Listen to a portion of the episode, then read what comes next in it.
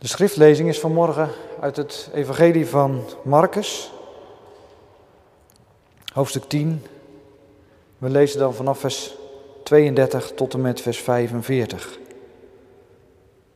Marcus 10, vanaf vers 32 tot en met vers 45.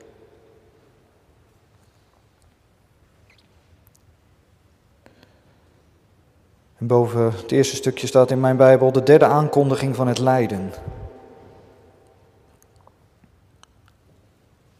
En zij, zijn Jezus, zijn discipelen en ook nog andere volgelingen, die waren onderweg en gingen naar Jeruzalem.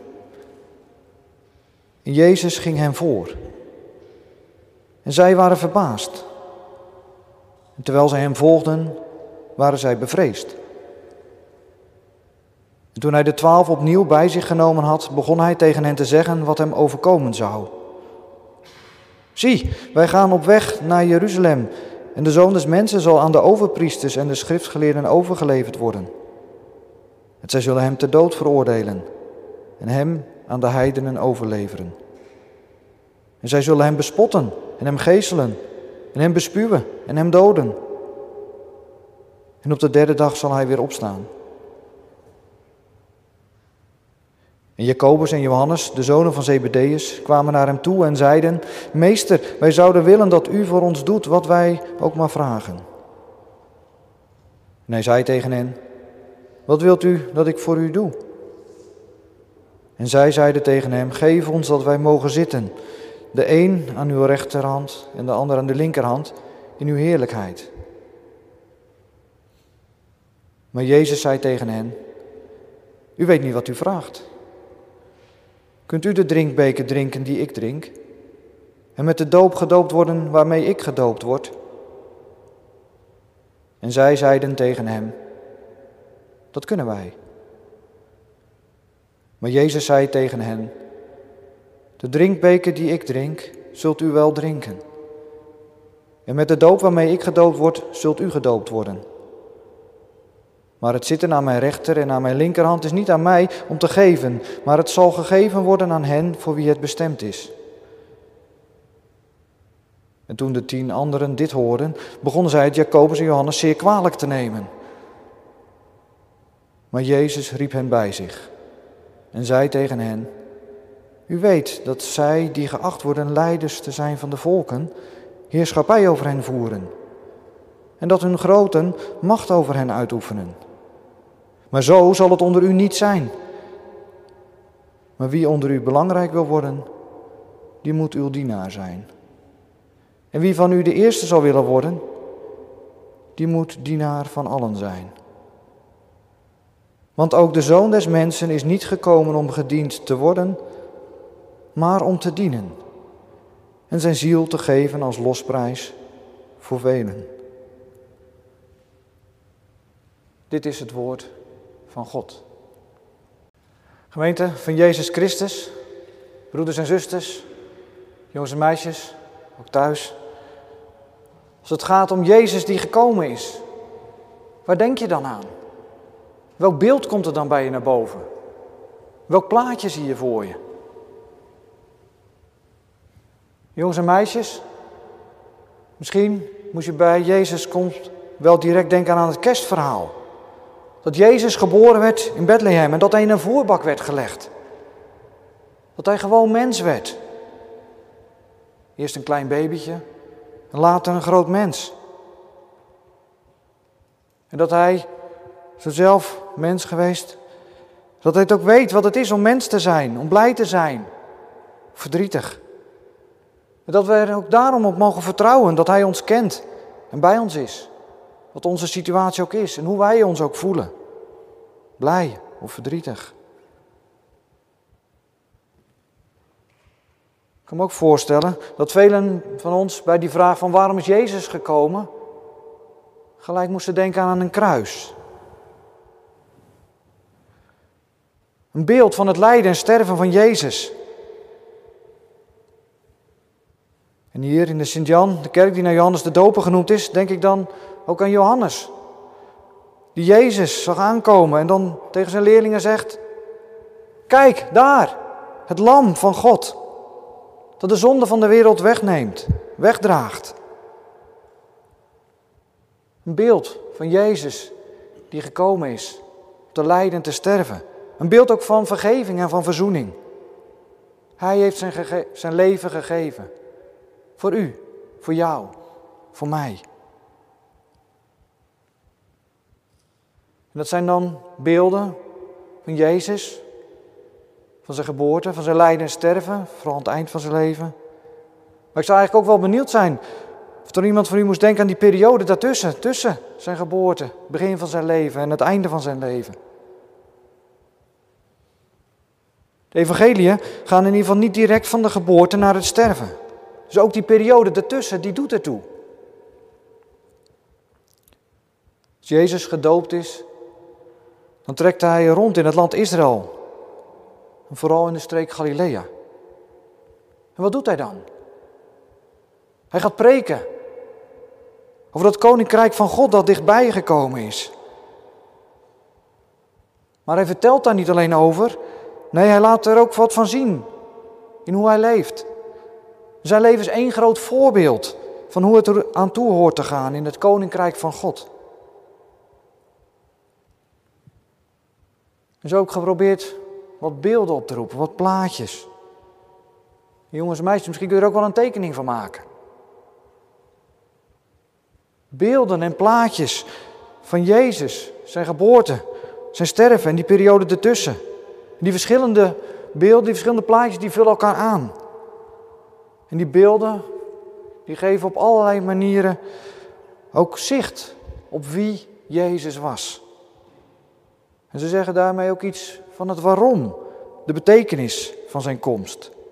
Ze geven er een duiding aan. Waarom is Jezus gekomen? Als we die betekenis proberen onder woorden te brengen, dan merken we dat woorden tekortschieten. Dat het niet lukt om dat op formule te brengen, om daar goede formuleringen voor te, te maken. Ik weet niet hoe het u vergaat, maar een lied doet soms meer dan duizend woorden. En zingen kan je ook boven de dingen uittillen. En ik denk dat om de kracht van Jezus komst te ervaren, dat je er soms ook beter van kunt zingen. En dat is ook wat we ook al zien gebeuren, ook in het Nieuwe Testament.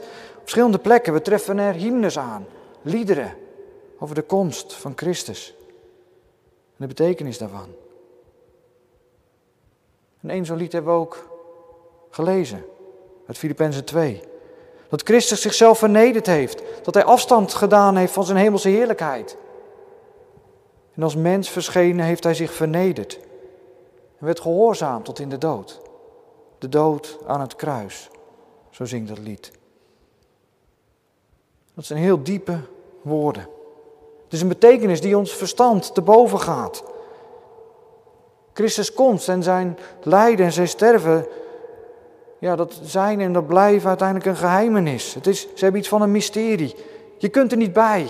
Je krijgt er niet volledig grip op. En toch is juist dat wat ons leven geeft en ons redding biedt. Om met een ander lied te zingen, Psalm 68, Hij is het die ons heeft gered, die ons in ruimte heeft gezet. Hij die het licht roept in de nacht. Hij heeft ons heil teweeg gebracht. En dat zijn hooggestemde woorden. Als ik naar mezelf kijk, dan moet ik ook zeggen dat ik niet altijd leef op die toonhoogte. Maar het is wel mijn verlangen, voor mezelf, maar ook voor u als gemeente. Dat dat lied over Christus en zijn komst en de betekenis daarvan, dat dat nog steeds, steeds mag klinken in uw en jouw leven. Dat als het ware die basso continuo is onder uw leven. Die bas, die basis onder uw leven die er steeds is, continu is. En die maar doorgaat. En die u draagt.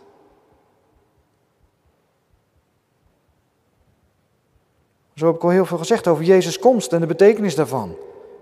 ik hoop dat met deze misschien wat lange inleiding duidelijk geworden is dat er niet maar één betekenis is van Jezus' komst. Ook onze tekst, Marcus 10, vers 45, die geeft een duiding van die komst. Jezus is gekomen, de zoon des mensen, en daar bedoelt Jezus dus zichzelf mee, die is niet gekomen om gediend te worden. Maar hij is gekomen om te dienen. En om zijn ziel te geven als losprijs voor velen. En wanneer spreekt Jezus deze woorden? Jezus spreekt deze woorden op, het, op een kruispunt in zijn leven. Heel bewust kiest hij ervoor om naar Jeruzalem te gaan. Na zijn doop, ik zei dat net al, is hij vooral werkzaam geweest in Galilea. Maar nu is hij naar Judea gegaan. Dat lezen we aan het begin van, van Marcus 10.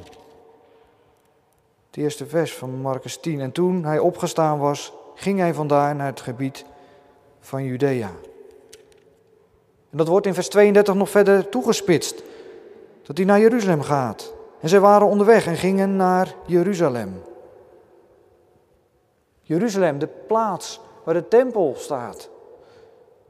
En waar de offers gebracht werden. En Jezus, hij loopt voor hen uit. Hij gaat voorop. En zijn discipelen en andere volgelingen, die gaan erachteraan. Of vragen ze zich wel af of het verstandig is om naar Jeruzalem te gaan. Ze zijn ongerust en bang. Zal dit wel goed gaan? Nou nee. Jezus, hij roept zijn twaalf discipelen bij zich. En dan voor de derde keer vertelt hij hen dat hij overgeleverd zal worden en gedood zal worden. Deze derde keer doet hij dat veel uitgebreider, veel gedetailleerder dan de voorgaande keren. De geestelijke leiders van de Joden, de hoge priesters en de schriftgeleerden, ze zullen hem ter dood veroordelen. En dan zullen ze hem overleveren aan de Romeinse overheersers. En Jezus, hij zal bespot en bespuwd worden. En ze zullen hem geestelen en doden. Maar hij zal ook weer opstaan. Maar daarvoor zullen de machten dus samenspannen. Om Jezus, de mensenzoon, de Messias van Israël, de koning van de Joden, de zoon van God, om die belachelijk te maken en om hem uit te schakelen.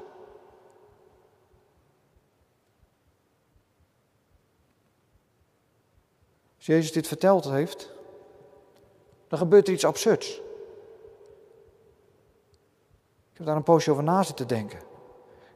En ik vroeg me af, hoe is dat nou mogelijk? Hoe halen ze het in hun hoofd? Als Jezus verteld heeft over zijn lijden, zijn sterven, zijn opstanding, dan komen twee discipelen van hem naar hem, naar hem toe. Johannes en Jacobus, de twee zonen van Zebedeus. En dan vragen ze of ze naast Jezus mogen zitten als hij zal heersen in zijn glorie. Ze naast Jezus mogen zitten aan zijn rechter en aan zijn linkerhand. Dat Jezus op de troon zal zitten.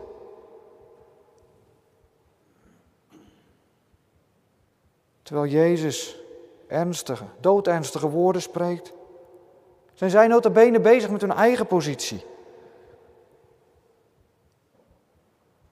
De vorige keer, toen Jezus over zijn lijden en sterven sprak, hoofdstuk 9, vanaf vers 30, toen gebeurde er ook al zoiets.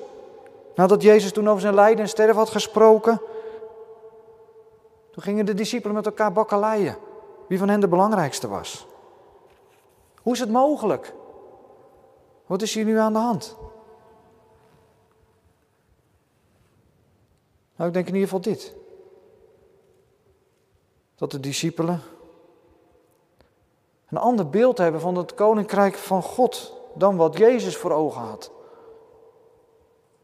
En dan niet alleen wat dat koninkrijk van God inhoudt, maar ook de manier waarop dat koninkrijk zou komen. En ja, de discipelen, onder leiding van Petrus, die hadden beleden dat Jezus de Messias is. Maar toch hebben ze niet het goede beeld van Jezus en de betekenis van zijn komst. Dat kan dus. En dat is ook iets wat wij voor ogen moeten houden, denk ik. Dat we uit moeten kijken voor eenzijdig, een eenzijdig beeld van Jezus.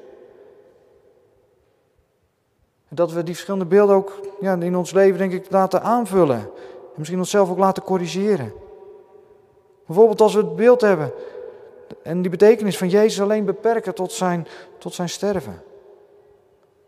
Dat het alleen gaat om vergeving van onze zonden. Dat we zelf in de hemel komen. Of dat we geloven in Jezus. Of dat geloven in Jezus ons allerlei voordelen zal opleveren. Voorspoed.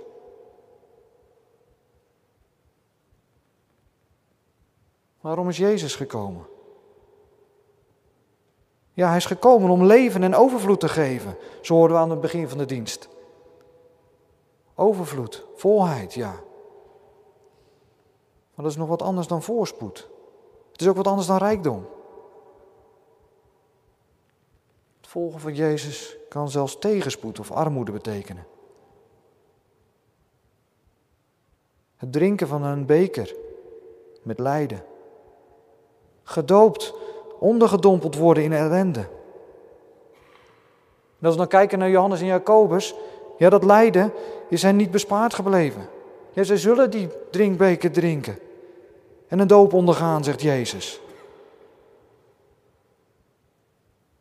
Maar het verschil met het lijden van Jezus is dat zij er niet in om hoeven te komen, omdat Jezus hen daarin is voorgegaan. De goede herder heeft zijn leven gegeven voor zijn schapen. En dat deed hij voor ons. Voor Jezus was die lijdensbeker een beker vol met het oordeel van God over zonde, onrecht en geweld. We spreken de psalm over en ook verschillende profeten. En Jezus, hij heeft die beker helemaal leeggedronken. Tot de laatste druppel toe. Dat wij met God verzoend worden. En niet in het oordeel hoeven onder te gaan.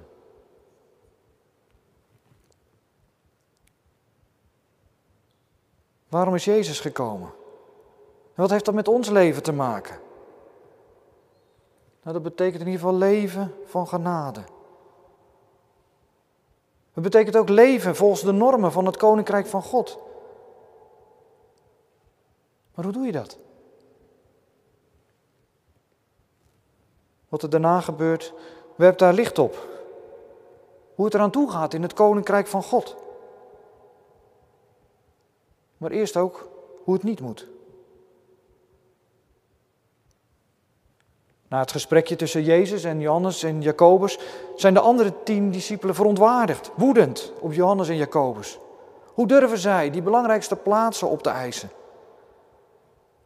Je ziet er iets van rivaliteit tussen de toekomstige leiders van de kerk. Gedoe over posities in de kerk. Bezig zijn met eigen belangen. De baas willen spelen. Het laatste woord willen hebben en je zin krijgen. Is dat niet iets van alle tijden? En zie je het niet overal om je heen? Ik denk dat iedereen het wel herkent. Binnen het gezin, op het werk en ja, helaas ook in de kerk. Maar zo hoort het niet te zijn. Zo hoort het er niet aan toe te gaan in het koninkrijk van God. Ja, zo gaat het eraan toe in en tussen de koninkrijken van deze aarde. En bij machthebbers en ook tussen machthebbers van deze wereld. Ja, zij willen heersen over anderen, de belangrijkste plaats innemen. En dan willen ze ook zo lang mogelijk op die positie blijven zitten. Ze gebruiken er allerlei middelen voor. Eigenlijk alle middelen die voorhanden zijn. En ja, de afgelopen weken hebben we daar ook alweer de beelden van gezien. Dat is wat er gebeurt op het wereldtoneel. Maar ook in het klein. Anderen zwart maken. Met modderspuiten om het zo te zeggen. Elkaar aftroeven. Om er dan zelf beter van te worden. Maar zo hoort het dus niet. Zo mag het bij jullie niet gaan, zegt Jezus. Als je de belangrijkste wil zijn, dan zul je anderen moeten dienen. Wie de eerste wil zijn, die moet ieders dienaar zijn. Maar hoe doe je dat dan? Ik zou zeggen, vanuit dit gedeelte ook wel door naar Jezus te kijken. Waarom is Jezus gekomen? Om een voorbeeld te geven. Een voorbeeld om na te volgen. Want Jezus, de Zoon des Mensen, is niet gekomen om gediend te worden, maar om te dienen. En hoe deed hij dat dan? En dan komt bij mij weer dat lied boven uit Filippenzen 2. Dat Jezus zijn gelijkheid aan God niet kostte wat het kost wilde vasthouden. Maar dat hij daar afstand van deed. Die hoge positie bij God, die heeft hij losgelaten. En hij is mens geworden. En hij heeft de gestalte aangenomen van een dienstknecht. Van een slaaf. En dan moet ik ook denken aan wat Jezus deed toen bij die laatste paasmaaltijd. Dan doet hij zijn bovenkleren uit en dan buigt hij zich neer om de voeten van de discipelen te wassen. Hij doet het werk van een dienstknecht, van een slaaf. Maar dan is voor ons de vraag, hoe kunnen wij dan dit voorbeeld van Jezus navolgen, hier handen en voeten Dat kan ik voor u niet doen. En ook niet voor jou. Ik denk dat ieder daar voor zichzelf invulling aan moet geven in zijn situatie. Maar dan wel met Christus voor ogen. Vanuit een mindset van nederigheid. Om de ander voortreffelijker, belangrijker, hoger te achten dan zichzelf. Liefhebben. Ook als die ander wat minder aardig doet tegen je. Vergeven als die ander je wat aandoet. Bereid zijn om verstoorde verhoudingen te herstellen en verzoenend in het leven te staan. Onrecht bestrijden en opkomen voor de belangen van achtergestelden. Die ander niet zwart maken, maar juist goede dingen spreken. En om het kwade te overwinnen door het goede. En waarom? En dan komen we bij het diepste, de climax van deze tekst. Omdat Jezus zijn leven zichzelf gegeven heeft als losprijs. Losgeld voor velen. In het voorbeeld dat hij gaf, is hij tot het uiterste gegaan. Dan gaf hij zichzelf, zijn leven, plaatsvervangend voor ons. Dan dus twee haakjes voor, voor velen staat hier. Maar dat is hier niet als beperking bedoeld. Maar als ja, Joodse wijze van spreken, als tegenstelling tot weinigen. En zo lezen we het ook in 1 Timotheus 2, vers 6, dat Jezus zich gegeven heeft als, een los, als losgeld voor allen. Die prijs die Jezus betaald heeft, die is genoeg voor iedereen. Ja, het kostte hem alles, zijn ziel, zijn leven. Maar daardoor kan Paulus ook zeggen in 1 Korinthe 6, wij zijn gekocht en betaald. En ook de apostel Peter schrijft erover in zijn brief. Wij zijn vrijgekocht van ons zinloze leven, los van God. Met het kostbaar bloed van Christus. Als van een lam zonder smet of gebrek. En zouden wij Hem dan niet volgen en voor Hem leven? Er zou nog heel veel gezegd kunnen worden over dat losgeld en die, losprijs, zeker ook vanuit het Oude Testament. Bijvoorbeeld ook vanuit Jesaja 53, dat zijn ziel, zijn leven zich tot een schuldoffer gesteld zal hebben. Maar goed, dat laat ik nu verder rusten. Maar ik wil u wel aanmoedigen om dat hoofdstuk ook te lezen, Jesaja 53, en daarover te mediteren en daarover door te denken. Wat dat ook voor u betekent. Maar waar ik aan het einde van deze preek nog wel even aandacht voor wil vragen, is die directe betekenis van dat woord losgeld, losprijs. Losprijs, losgeld. Dat is de prijs, de hoeveelheid geld die betaald werd om een slaaf vrij te kopen, om hem te verlossen. Het is dus vooral een beeld van verlossing uit de slavernij, om vervolgens dan in vrijheid te leven. Dat riep bij mij de vraag op. Zijn wij echt vrij? Of zijn er nog machten in ons leven die ons beheersen? Waar we slaaf van zijn? Dat is een vraag om mee te nemen, lijkt me. Waar zijn wij slaaf van? Voor iedereen kan dat weer wat anders zijn. Kan zijn de macht om over anderen te heersen, waar het in het Bijbelgedeelte in Marcus 10 vooral om gaat. Het kan ook de macht van bezit zijn.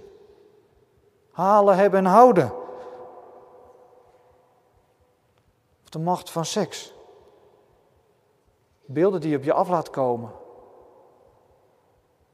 Wat je verder op dat gebied ook doet.